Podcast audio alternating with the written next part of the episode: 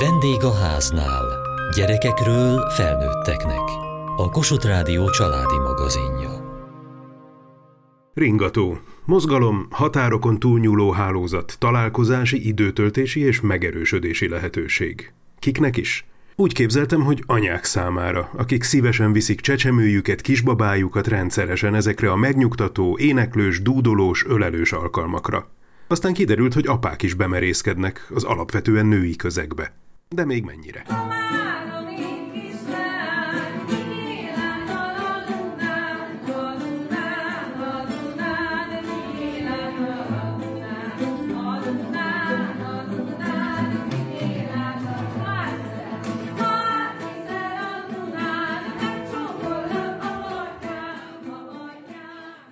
Ha azt hallom ringató, akkor a lelki szemem előtt egy édesanyja jelenik meg, ahogy ül a gyermekével, és ringatja. És énekelnek és mondókáznak. De ezek szerint van olyan édesapa is, aki ölében a gyermekkel ül, ringatja és mondókázik. A zene minél inkább meg kell, hogy jelenjen a családoknak a hétköznapjaiban. Erdélyi Dániel, édesapa. Úgyhogy nekünk ez egy percig nem volt kérdés, hogy egy ilyenfajta lehetőségbe belevágunk-e. Szóval a zene volt a fő szempont. Én magam is zenész vagyok, sőt tovább menve zenész családból származom. Kiskorunktól fogva a zene a mindennapjaink része volt. Az édesapám hegedűművész, az édesanyám csellóművész, tehát ők otthon gyakoroltak, amíg mi házi feladatot csináltunk, vagy játszottunk a, a testvéremmel. Mi volt az alapcél, amikor a ringató megszületett a fejében, szívében? Mind a két helyen valahogy így egyszerre. Gálné Gró Ilona, zenepedagógus, a ringató alapítója. Az alapcél az volt, hogy azokkal az eszközökkel, amelyekkel én rendelkezem, mint zenepedagógus, énektanár, szakmai hittel is, segítsek a szülőknek, és a szülőkön keresztül a gyerekeknek olyan eszközöket adjak a kezükbe, amitől jobb lesz az életük. 1991-ben kezdtem kisgyermekes családokkal foglalkozni, gyesen lévő anyukákkal.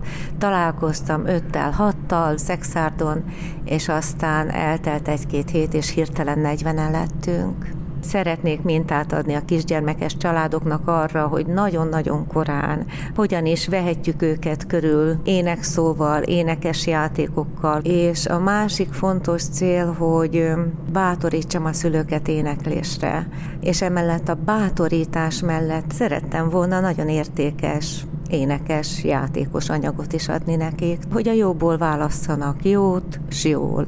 Azt mondja, hogy segítséget szeretne adni mihez kell segítség a családoknak? A lélek épüléséhez, a családi összetartozás erősödik a közös élmények nyomán teljes családok is jönnek hozzánk, nagy boldogságunkra, édesapák is, olyankor vegyeskari hangzás van a ringatón.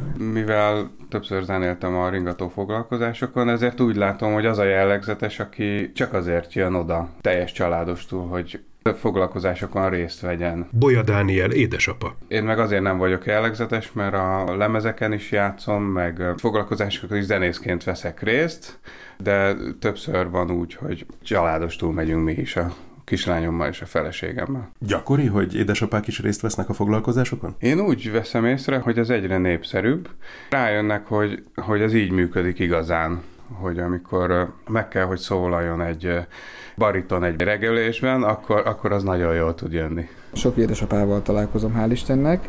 Ők nem nagyon mernek aktív részesei lenni a foglalkozásoknak, és ilyenkor még inkább azt érzem, hogy, hogy motiválnom kell őket a, a jelenlétemmel, az éneklésemmel, hogy ők is merjenek a gyermeknevelésben ilyen formán is részt venni. És nem egyszer, nem kétszer azt tapasztaltam, hogy miután látták, hogy én éneklek felszabadultan a, a gyermekemmel, ők is eleinte csak kézen fogták a gyermeküket, vagy megölelték a gyermeküket, és, és mentek egy, egy kört, miközben az anyuka mondjuk énekelt a, a gyermeknek.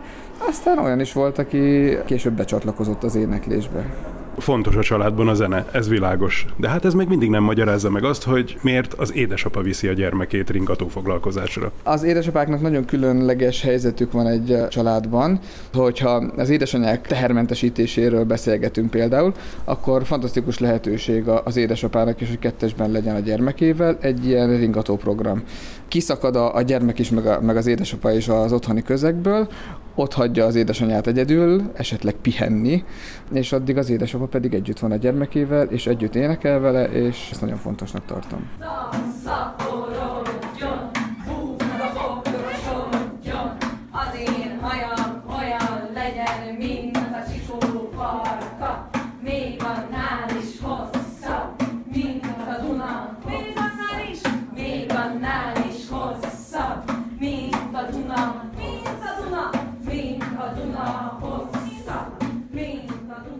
Emlékszik az első alkalomra, amikor foglalkozáson részt vett? Én először, tehát a stúdióban ismertem meg ezt a műfajt. Bolya Dániel édesapa. Később voltam ott a foglalkozásokon, mert a feleségem is csinál gyerekprogramokat, de az főleg ilyen táncos. Már azon szocializálódtam, hogy ezeket a gyerekprogramokat más szemszögből hogyan lehet csinálni. És amikor foglalkozáson vett részt először, az milyen élmény volt? Mivel fúvós hangszerekkel játszom, ezért általában elég ilyen szöveggyenge vagyok, mindig lóg valami ki a számból, tehát hihetetlen jó érzés, amikor így a gyerekével így együtt mozog az ember, és oda tud figyelni minden kis reakciójára.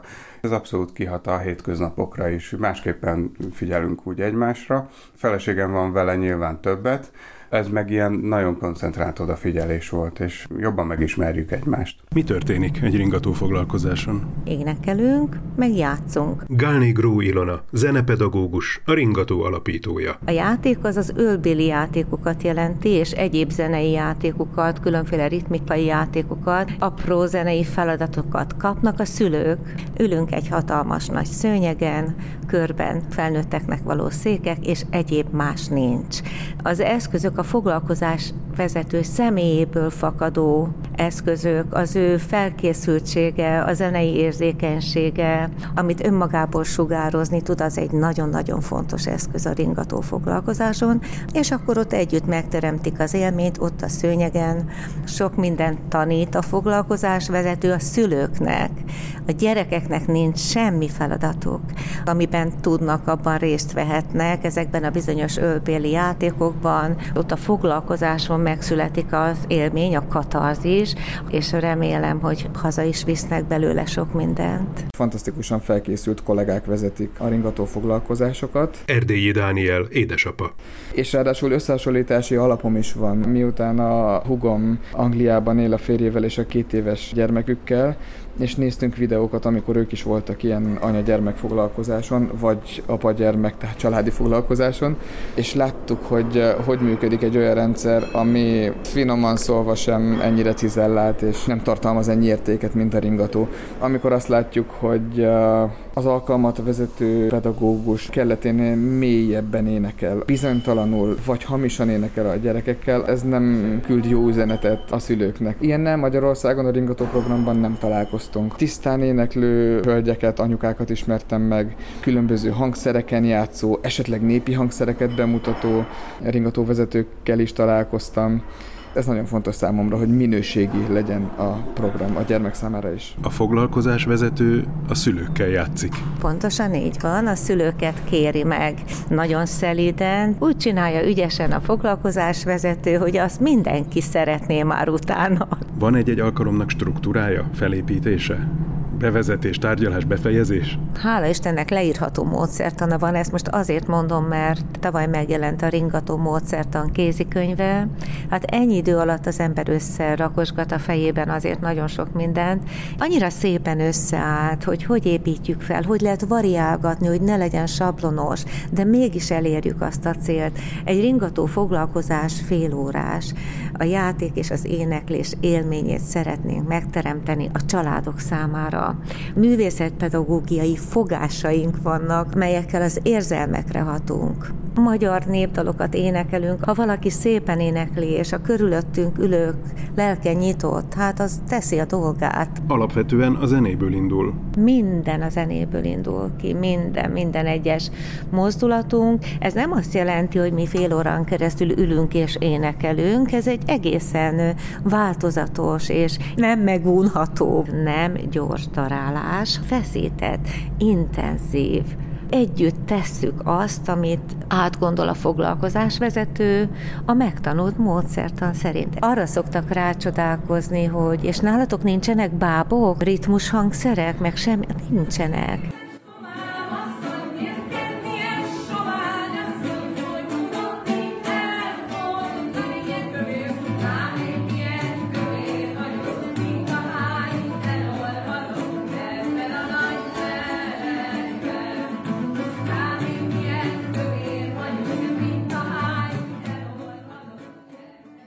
...1991-ben megszólította az édesanyákat. Mikor jött az első édesapa? Akkor én is meglepődtem. A nagy tömegben ott voltak, fényképeztek, videóztak, velünk énekeltek. Úgy képzelem az első alkalmat, hogy Karján a gyermekével megjelent egy ringatófoglalkozáson, amely tele volt anyákkal és gyermekükkel. Ön pedig belépett egyetlen apaként. Körülbelül így volt, igen. Na akkor hogy néztek önre? Ez nagyjából hat és fél évvel ezelőtt történhetett, és arra viszont pontosan emlékszem, hogy ez a művészetek palotájában volt.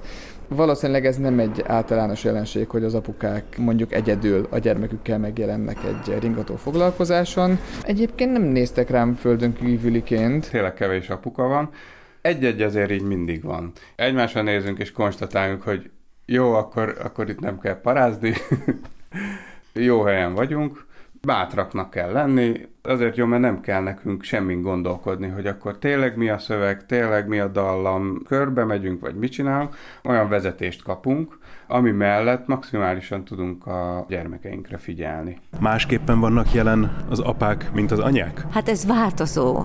Úgy, ahogy az anyukák esetében is nagyon változó, hogy hogy vannak jelen. A személyiségüktől függ, a temperamentumtól, attól, hogy micsoda vagányság itt lenni, merek énekelni, nem merek énekelni.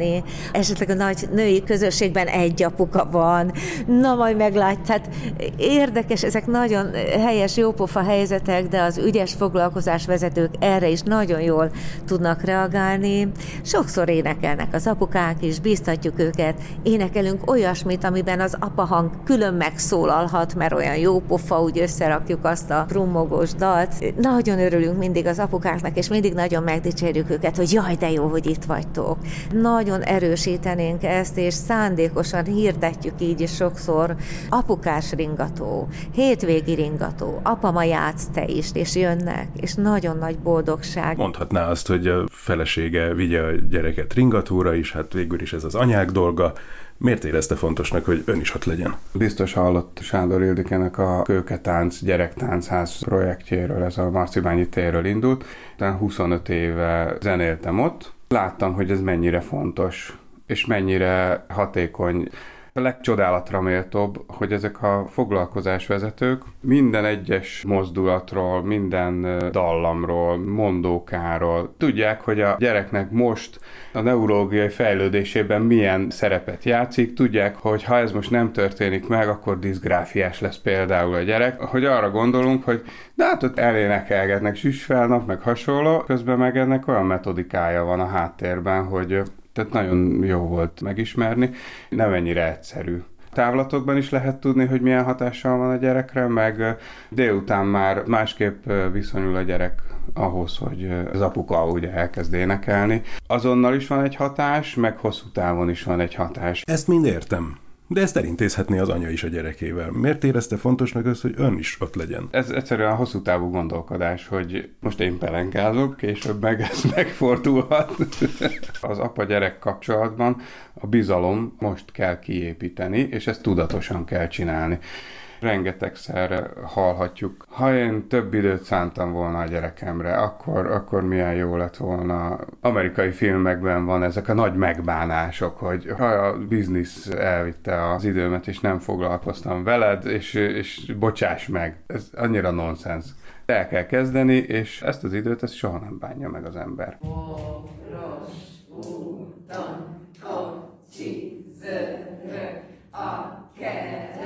kereke gyorsan. Na ki vezeti? Vezeti, aki látja, neveti. Olyat is lehet mondani egyébként, édesapa vezeti. Az egyik anyukának tanultam, mekkora ötlet. Azt élvezte a amikor olyan a játék, hogy lendületesebb, nagyobb mozgás tartozik hozzá, akkor azt szoktuk mondani, hogy most az apukák fogják meg a gyerekeket, mert emelgetés lesz szám, és hát nagyon helyesek. Azt mondta, hogy nem néztek önre földön kívüliként, ön sem érezte kívülállónak magát, vagy furcsának? Nem, mert valóban egész kisgyermekkorunk óta nem érezzük feszélyezve magunkat, hogyha a zenéről van szó. Az, hogy sok hölgy van körülöttem, esetleg gyermekekkel, én ilyen konzervatív apuka vagyok, hogy szeretem, hogyha hölgyekkel vagyok körbevéve, szóval ez nekem nem okoz problémát.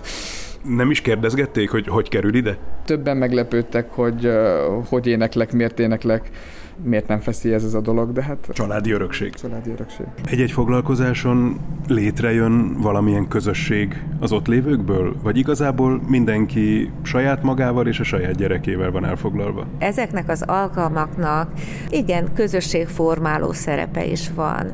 Örülnek abban a helyzetben annak is, hogy ott együtt valamit megszólaltatunk. Az anyák befogadók? Nem érezte kívülállónak magát? Egyrészt mindenki magával van elfoglalva, meg a saját saját gyerekével vagy gyerekeivel, vagy a, ugye a család, de közben mivel igényel egy ilyen külső figyelmet is, nem menjünk egymásnak. Tehát, hogy amikor így körbe-körbe megyünk például, mindig azt tapasztalom, hogy mivel megvan belül a nyugodtság, kifelé is ez automatikus, és le vagyunk lassulva a gyerekeinkhez, és rám is úgy néznek, mintha a gyerekeikre néznének. Jó, menjél csak.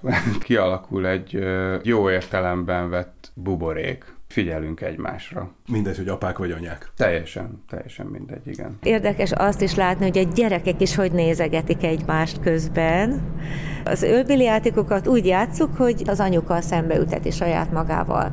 És nagyon gyakran nem engedik a gyerekek, nagyobb bacskák megfordítani magukat, mert nézik a szembeülő gyereket, hogy azzal mit csinál az anyuka. Találkozik a kisgyerek egyfajta közösségi élménnyel. Ha valaki rendszeresen jár, vagy majdnem, hogy rendszeresen, akkor lehet, hogy ugyanazokkal a szülőkkel találkozik, tehát van egy ilyen nagyon erős közösségformáló ereje is, azt hiszem. Mást visz nekem magukkal? Az apák, mint az anyák egy-egy foglalkozásról. Olyan történeteket hallottunk, hogy hazament az anyuka, otthon játszotta a kisgyerekkel az ölbéli játékot, mondókákat mondogattak, énekeltek, és az apuka is megtanulta ugyanazt. Milyen hatását érzi a gyerekével való kapcsolatban annak, hogy együtt mennek ringató foglalkozásokra? Egy kisgyermeknek más igényei vannak az anyukával szemben, meg az apukával szemben is. Milyen igényeket támaszt a gyermeke önnel szemben? Egymást alakítjuk. Bolya Dániel édesapa. Kislányom van, de azért mégiscsak ott van egy kicsit az a spártai gondolkodás, hogy gyerünk, csináld meg, menjél, nézd meg, hogy kell, egységében lássad a dolgokat, és old meg azt a feladatot. Hogyan reagál ő ezekre? Először is nagyon türelmesnek kell lenni. Látszik, hogy így figyel, de nincsen mindig azonnali reakció hanem mondjuk először lát egy cicát, és akkor így nézi, hogy ez most mi, és utána heteken keresztül miáú meg cica. Engem ez arra nevel, hogy türelmes legyek, Amúgy meg látom rajta, hogy akarja is ezt a tudást, és hihetetlen az a fejlődni vágyás. Abszolút partnerek ehhez a folyamathoz. A családok számára mit jelent az, hogyha ők együtt tudnak részt venni egy-egy foglalkozáson? Örömet. Gálné Gró Ilona, zenepedagógus, a Ringató alapítója. Mert visszajönnek újra, meg újra, meg újra. Mit kap a gyermeke, és mit kap a család? Ezektől a foglalkozásoktól? Akár mondjuk még száz évvel ezelőtt is falusi társadalomban, vagy egy ilyen vidéki társadalomban megvoltak azok a mondókák, játékok, amik készségfejlesztésben részt vettek, és egymástól tanulták ezeket, folyamatosan átadták ebbe az urbanizált világban erre szükség van, hogy ezt így külön összegyűjtsük. Ez nagyon érdekes, hogy egy ennyire organikus folyamatot analizálnunk kell, és definiálnunk, agyré mégis szükség van erre, mert már más a korosztály, más a környezet, de maga a módszer az ugyanaz. Mert hogy az ember az ember, nem fogunk másképpen működni, nem fog másképpen fejlődni az idegrendszerünk.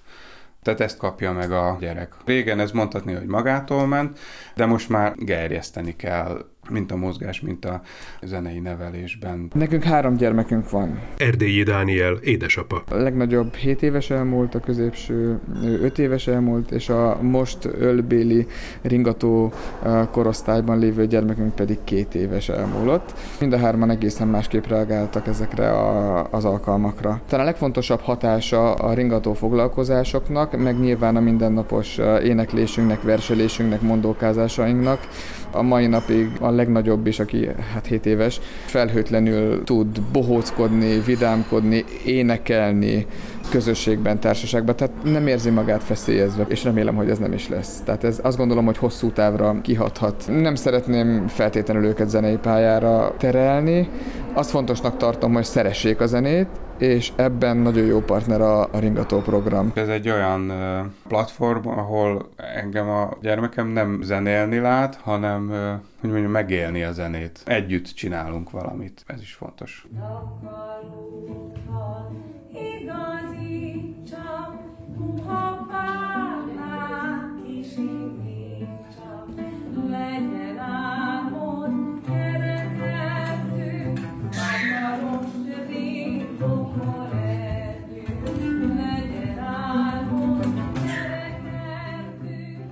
Játszották valamelyik ölbéli játékot, és ismétlés még egyszer, meg még egyszer, és a vége a játéknak, hogy most keresetek rajta gyorsan egy puszilgatni való helyet.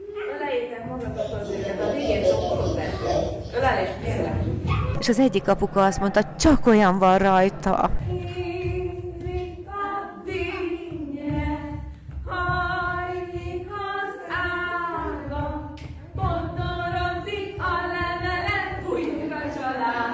Mai adásunkban két ringató apát ismerhettek meg.